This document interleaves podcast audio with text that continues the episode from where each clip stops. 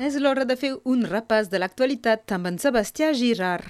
Bon dia. Avui, dimarts 29 de novembre, l'actualitat ens porta al cantó de Canus, on diversos partits nord-catalans demanen als electors de fer baratge a l'extrema dreta.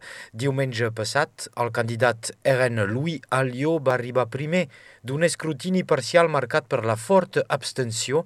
El 78% dels electors no van anar a votar.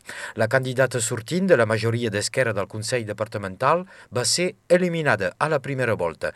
La segona volta serà doncs un duel entre dreta i extrema dreta entre el Batlle de Perpinyà i el de Canus. A través de comunicats, els Verds, Unitat Catalana i la coalició d'esquerres criden els seus simpatitzants a votar per la dreta, o millor dit, contra l'extrema dreta.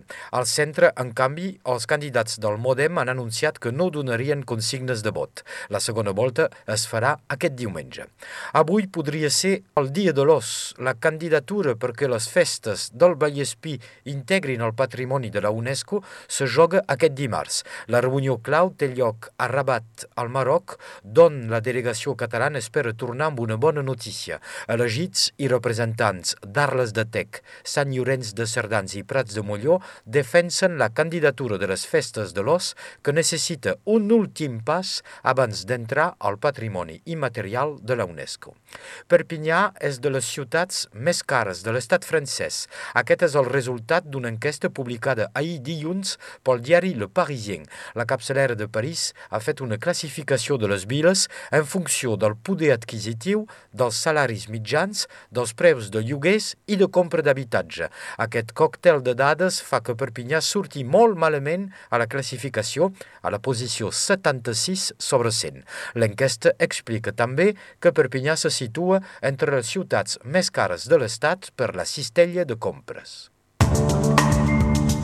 un verbal de 277.000 euros per Manuel Valls. El Tribunal de Comptes va notar irregularitats en el finançament de la campanya de l'ex-primer ministre francès a les municipals de Barcelona el 2019. Se li retreu haver superat i de molt el límit de despeses autoritzades per una campanya. El cas Manuel Valls representa un record, segons el Tribunal de Comptes, que mai no havia sancionat cap candidat amb una multa tan important. Manuel Valls no ha fet apel·lació de la sanció i haurà de tornar els diners. A Ucraïna, la major part dels habitants de la capital Kiev tornen a tenir electricitat.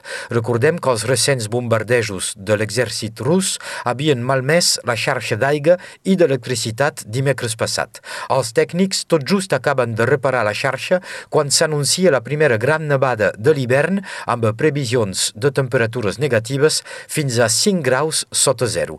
Les autoritats ucraïneses demanen als ciutadans d'estalviar l'energia i han anunciat anunciat mesures de restriccions a 14 regions del país per evitar nous talls de llum. Les protestes creixen a la Xina, on per primera vegada els manifestants es queixen ara obertament contra la política de la Covid-0 i contra el règim xinès. La gota que va fer vessar el got va ser un incendi dijous passat en un barri residencial de la vila d'Urumqi, on van morir 10 persones perquè els bombers difícilment van poder accedir a l'immoble en flames per culpa de les mesures de confinament. Aquest drama va fer taca d'oli i arreu de la Xina diverses diverses manifestacions van reclamar diumenge passat la fi de les mesures anti-Covid, a més de criticar obertament la política del règim xinès.